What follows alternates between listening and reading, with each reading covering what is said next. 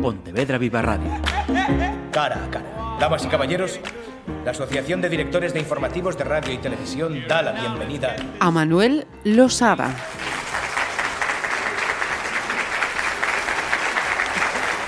Hola, saludos. Tenemos a un escritor de vocación, vamos a decirlo así con su permiso en este cara a cara, pero os anticipo que no solamente vamos a hablar de libros, de sus libros, vamos a hablar de cosas más eh, contundentes.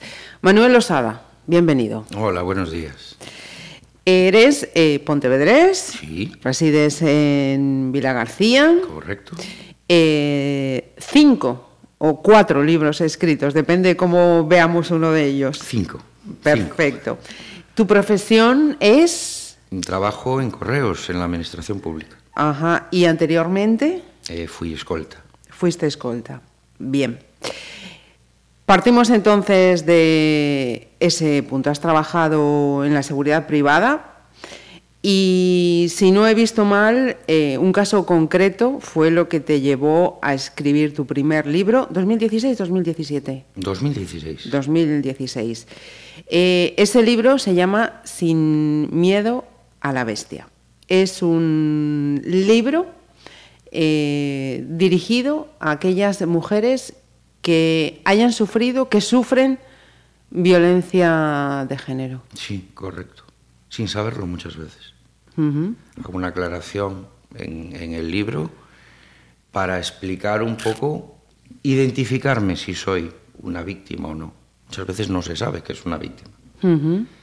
Y todo nació por, por, por, un caso personal. Es decir, a mí me, me contratan, eh, le sirves de apoyo a una persona, una persona que hay que decir que es adinerada, porque para contratar seguridad privada, lógicamente... Tienes que tener un respaldo económico. Un respaldo económico, Efectivamente. correcto.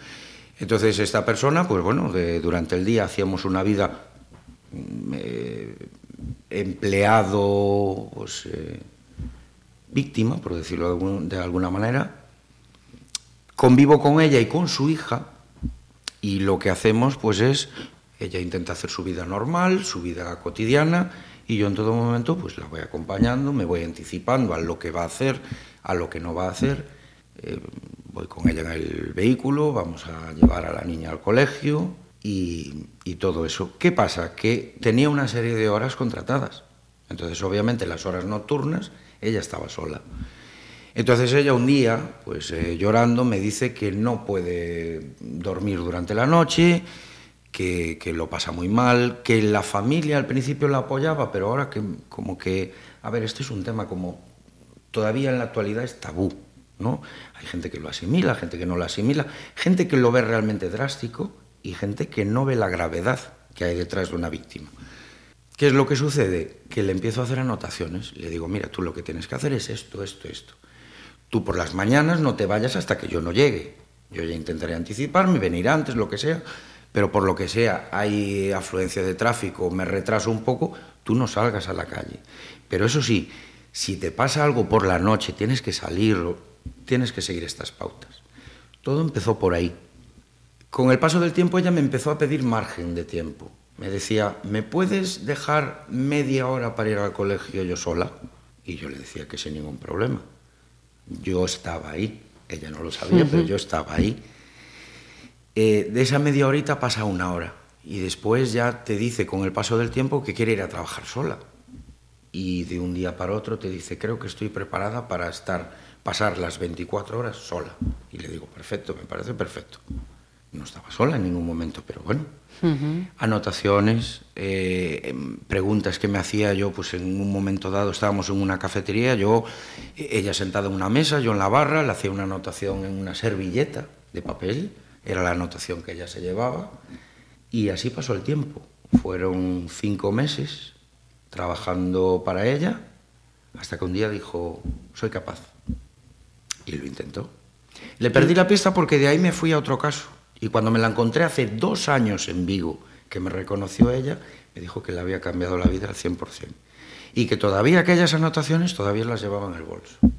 Había hecho grandes cambios en su vida, pero que intentaba llevarla lo más normal posible. Es decir, había cambiado de trabajo, había cambiado a la niña de, de- de co- de colegio, había cambiado de residencia, de vehículo en varias ocasiones, pero que tenía una vida, entre comillas, completamente normal.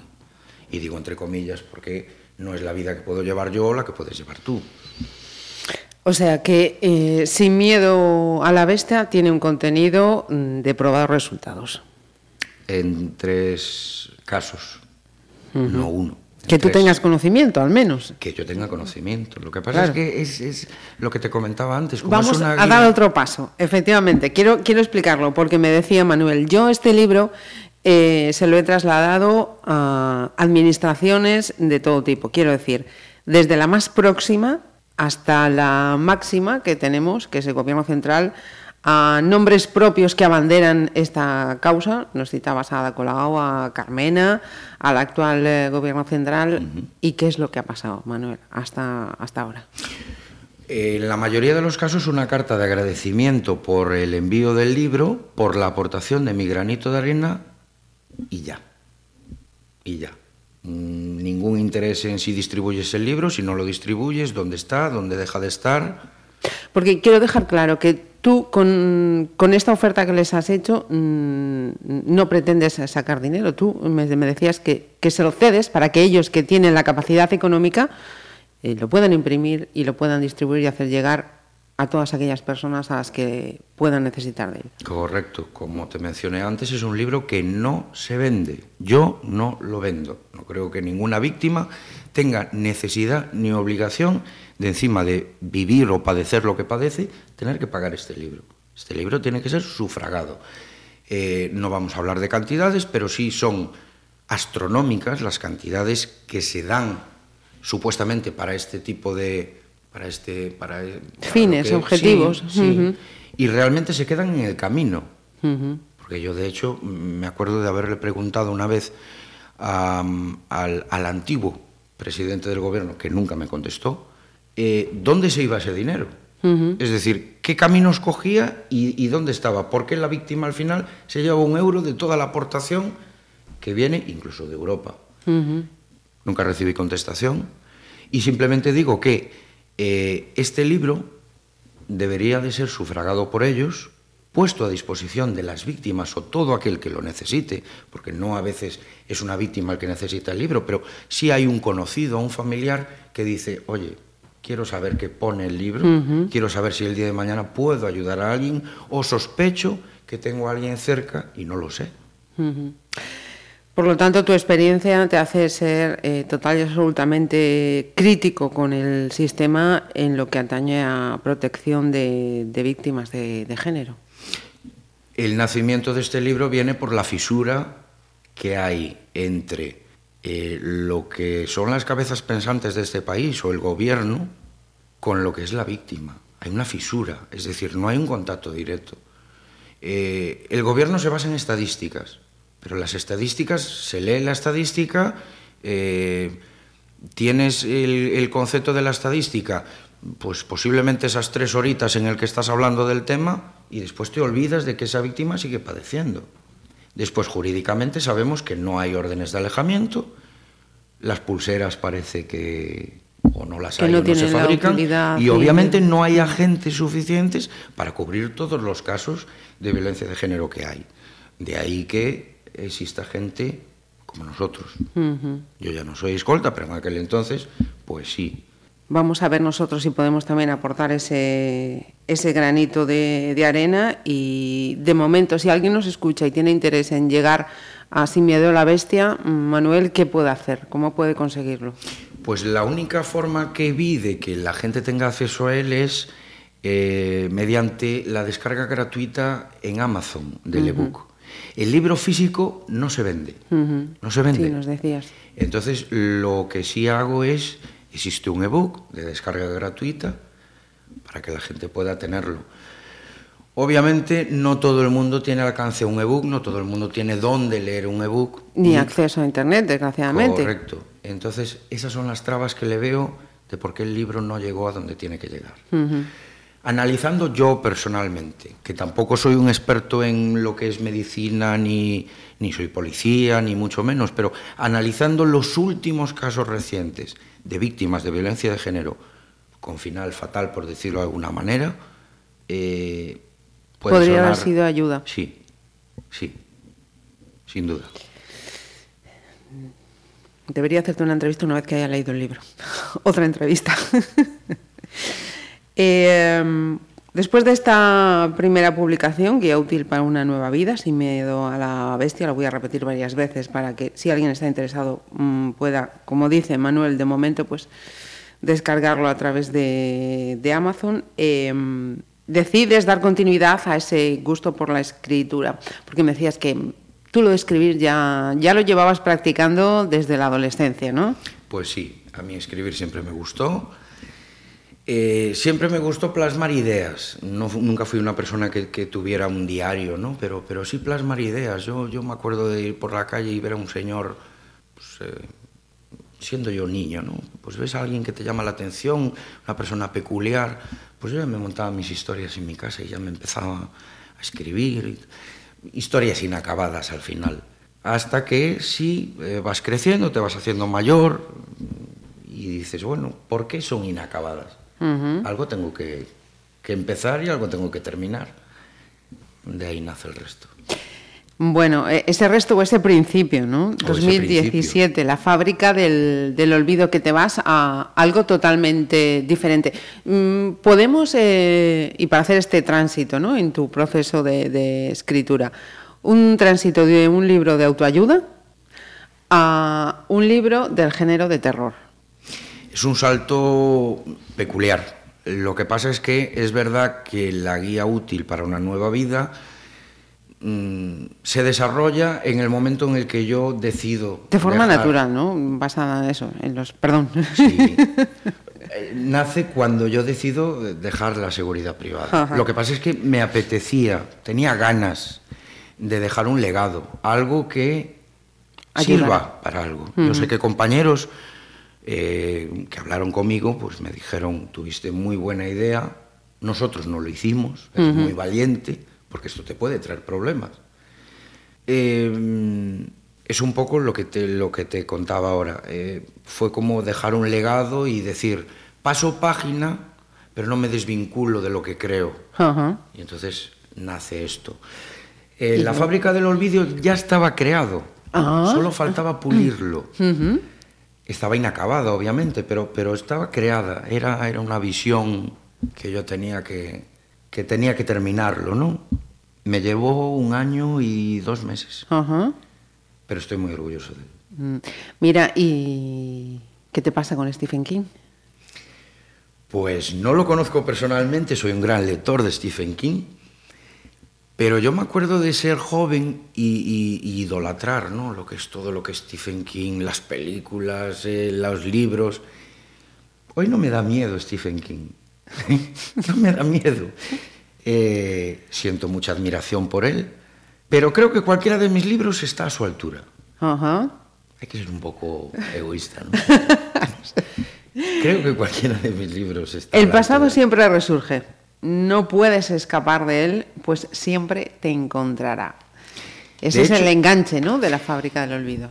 Cualquiera de los libros de Stephen King, yo creo que en las cinco o seis primeras páginas te engancha. La gente que leyó La fábrica del olvido me garantizó que en la cuarta página se había enganchado. Ajá. Ahí fue lo que me subió el ego. Y entonces creo que tenemos una similitud, por lo que no le tengo miedo a Stephen King. ¿Y qué es lo que ha pasado recientemente con este libro? Cuéntame. Este libro en concreto eh, no es muy popular por aquí, no es muy conocido por aquí, pero sí en Latinoamérica. Muchísimas descargas, muchísimas compras. Yo no tengo editorial, al ser un completo desconocido, obviamente no tienes una editorial. Y entonces me dediqué a la autopublicación. Eh, no sin antes intentar contactar con 50.000 editoriales que te dicen que no eres Pérez Reverte, y como no eres Pérez Reverte, que no, no es momento, no hay tantos lectores como para quitar a todos los escritores o para subvencionar o para publicarles, eh, publicar editarles a, un libro. A todos. Entonces, pues me dediqué a la autopublicación. Llego uh -huh. una época o nazco en una época eh, como escritor en la que ya hay más posibilidades que antes, ¿no? La autopublicación a través de Amazon, a través de otras páginas. Y entonces te das cuenta de que tener el libro físico no es imposible. Y cuando lo veo físico realmente digo, pues mira, pues vamos a probar. Me empiezo a mover por las librerías y no, no, no. En una no, en la otra no, hasta que aparece una que sí. Y como tiene éxito, vas a la otra y le dices, oye, mira que hay éxito. Bueno, pues déjame a mí un par de unidades también. Y poquito a poco, poquito a poco, pues ya estamos en Pontevedra, Villa García, El Grove, Catoira. Ajá. O sea que hay librerías por aquí cerca donde se puede Sí, encontrar. sí, sí, Perfecto. Y si no, vamos a vincular sus redes sociales, que ahí tenéis la debida información para saber dónde lo podéis encontrar. Cuando yo decía qué es lo que ha pasado recientemente también, eh, quería preguntarte eh, por ese posible salto al cine. Eh, puede ser, ojalá, ojalá, porque eso es un salto para poder conseguir una editorial el día de mañana o simplemente para ser reconocido. Date cuenta que el mundo, el mundo de, la, de la literatura es cada vez más complejo, cada vez más difícil. Somos cada vez más escritores y por desgracia cada vez menos gente leyendo. Parece que la gente está esperando. Yo miro la película y ya no me interesa el libro. Es verdad que a veces hay diferencias entre leer un libro y una película. Yo- Abismal. Sí. Para mí, para mi punto de vista, abismal. Yo te voy a contar un, un caso peculiar. Yo leí el libro Rápido y Mortal, que me encantó, y vi la película y me defraudó. Ujú. En el caso del Señor de los Anillos me encantó la película y no me gustó El el, libro. Entonces, bueno, pues eh, puede pasar. En este caso, La Fábrica del Olvido, pues se interesó Paco Cabezas, el director de cine, director y guionista. Lo tiene en su poder, lo tiene en sus manos y dijo que cuando me prometió que cuando tuviera tiempo iba a intentar eh, leerlo. Ahora mismo está con, con otras eh, ocupaciones, pero que me prometió que lo iba a leer y si podía hacer una adaptación a lo que es su trabajo o, su tema de producción. Entonces, bueno, pues eh, yo tengo esperanzas en que el día de mañana que exista una película, La fábrica del olvido. Vale. Tengo esperanzas. Empezamos el 2020 con perspectivas, entonces. Eh, Sí, sí. Perfecto. Eh, después de la fábrica del olvido llega el misterio de la isla de Cortegada. Una historia también en ese mismo género, mm, pero con muchos nombres eh, propios vinculados a Cortegada, a Vila García, a Carril. Eh, yo actualmente vivo en Villa García, aunque soy de Pontevedra, de nacimiento, de sangre, de, de todo. Me voy a vivir para Villa García. La verdad es que me aceptan muy bien, me tratan muy bien. Yo trabajo en Correos Villa García. ¿Y qué es lo que ocurre? Pues que un día paseando por, por una de las zonas eh, más bonitas que tiene Villa García, que es el paseo marítimo que va hacia Carril, me fijo en la isla, una isla desconocida, la isla de Cortegada, que yo la conocía de oídas y de verla muy de lejos, pero una completa desconocida para mí. Entonces, eh, bueno, pues me siento en la playa y me pongo a mirar la isla y digo, ¿qué juego tiene esa isla? no? Y digo, bueno, pues voy a escribir sobre la isla. Empiezo a montarme mis películas, mis historias, mi... y digo, pero tengo que tener algo más, un, un aliciente, un atractivo para, para la gente. Entonces, como yo ya conocía gente en Villa García, pues empecé a usar sus nombres.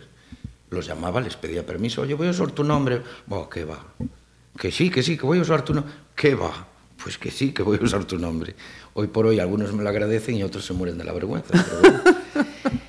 Eh, nombres propios, el paisaje totalmente real y una historia... mm, Con yo- periodistas. Eh, Sí, sí, un periodista conocido mío, afincado en Madrid, existe, Miguel Barcia. Vive aquí en Pontevedra también, que viene de Madrid porque tiene que investigar algo, algo que nadie más ha investigado hasta el momento, relacionado con la isla de Cortegada. Ajá. Eh, tenemos sobre la mesa del estudio Pontevedra Viva la edición ampliada, mm, porque el misterio de la isla Cortegada vino en, en dos tomos, digámoslo así, ¿no? El misterio de la isla de Cortegada estaba terminado en uno solo. Eh, lo que ocurre es que yo no era conocido en Villa García y la librería eh, Gualdina en concreto, que fue la que más me apoyó en Villa García, la primera, de hecho, me dice, hoy tú le vas a vender a la gente 300 páginas aquí que no se leen ni, ni el prospecto médico. Y le digo, oye, ¿qué quieres que haga? Divídelo en dos y probamos a ver cómo va. Lo dividí en dos gracias a las aportaciones de él y fue un éxito. Mil copias vendidas, como te mencionaba antes, en la, en la segunda semana. Mil copias vendidas. Y este también, ¿dónde se puede conseguir? ¿En las mismas librerías que la Fábrica del Olvido? En las mismas librerías, en Amazon, Lulu. Mm, tengo en, redes sociales, es más fácil conseguirlo. Lo, lo vinculamos. Mira, y mm, otra duda que yo, que yo tenía. Eh, otro ejemplar que nos falta aquí, lo de la guía práctica del fitness. Cuéntame, de, qué, cómo, encaja en, todo esto que venimos hablando? No encaja, literalmente no encaja. Lo que pasa es que, bueno, yo soy asiduo a los gimnasios desde hace mucho tiempo y en el mundo del gimnasio soy de la antigua escuela. Hago las cosas a mi manera, las hago bien, evitando lesiones, pero las hago a mi manera. Y me fastidia mucho que los antiguos monitores eh, de, lo que eran los gimnasios, antiguamente eran culturistas, eran gente que se dedicaba al mundo de las pesas, y hoy por hoy son universitarios, que no tengo nada en contra de ellos, pero son personas que cuando se ponen a mi lado realmente parece que el monitor soy yo, por la corpulencia, por el tamaño, por lo que sea. Y claro, te vienen a decir con el libro en la mano cómo tienes que hacer los ejercicios. Y yo un día le dije a uno, no me vas a enseñar tú lo que te enseñaron a ti en la universidad para hacer las pesas, que yo sé cómo las tengo que hacer, sé cómo hago las abdominales y sé cómo me van bien. No me lo va a contar un libro. Y él me decía que sí, pero es que es así como lo hay que hacer. Y dije, pues yo, yo voy a sacar mi propio libro con mis propias técnicas para demostrarte a ti que no solo es tu libro el real. Y me dijo él, eh, además riéndose, no lo verán tus ojos, ¿no? Le regalé el, libro, cuando lo hice. ¿Y qué te dijo después de leerlo? No me dijo nada y hoy no se mete conmigo. Dale. hoy entro en el gimnasio y no me dice nada, no me corrige, no nada. Mira, y a expensas de lo que pueda pasar con la fábrica del olvido, con ese éxito de lectores que está teniendo también el Misterio de la Isla de Cortegada, eh, ¿Nos puedes avanzar si va a haber algo más? ¿Qué puede ser lo próximo? Estoy terminando, estoy terminando eh, un libro o una novela que no tengo muy claro el nombre. A, mí me gusta un nombre en concreto. Lo que pasa es que la gente a la que se lo comenté le dije, oye, ¿qué os pareció este título? Oh, es cansino, es... ya solo escucharlo ya es cansino, ¿no? A mí me gusta. Mi idea era el alma del vikingo y me gusta. Ajá Pero hay quien dice que no. Que le cuesta. ¿Vas a seguir en el género del terror, misterio? Sí, sí, sí. Uh -huh. sí. Ajá. Me apasiona, me encanta y, y mira, la demostración de que se lee mi libro, de que voy teniendo el éxito que, que, que puedo esperar siendo quien soy, que tampoco soy fuera de lo normal, simplemente soy alguien al que le gusta y por suerte, pues... Tienes capacidades. Parece que se me da bien. Entonces quiero seguir en esta temática, me gusta, me, me va de, mis problemas personales, me hace desconectar de mis problemas laborales, me ayuda muchísimo a escribir. Ajá. Pues nos alegramos y estaremos pendientes entonces de lo que pase con la fábrica, de los próximos eh, títulos y desde aquí pues aportar nuestro granito de arena que esta guía útil para una nueva vida sea de más utilidad y que, oye, a ver si es posible que efectivamente esos planes con los que tú lo ideaste puedan llegar a buen puerto. Manuel Ouviña Losada, Losada, perdón. Muchísimas gracias por acompañarnos y muchísima suerte. Gracias a ti. Pontevedra Viva Radio ¿Me permiten que les haga un comentario como espectadores del programa Cara a Cara? Según un reciente sondeo de mercado, ustedes disponen de estudios e inteligencias superiores a la media. Sus intereses abarcan desde la actualidad mundial y la ciencia hasta el deporte y los espectáculos.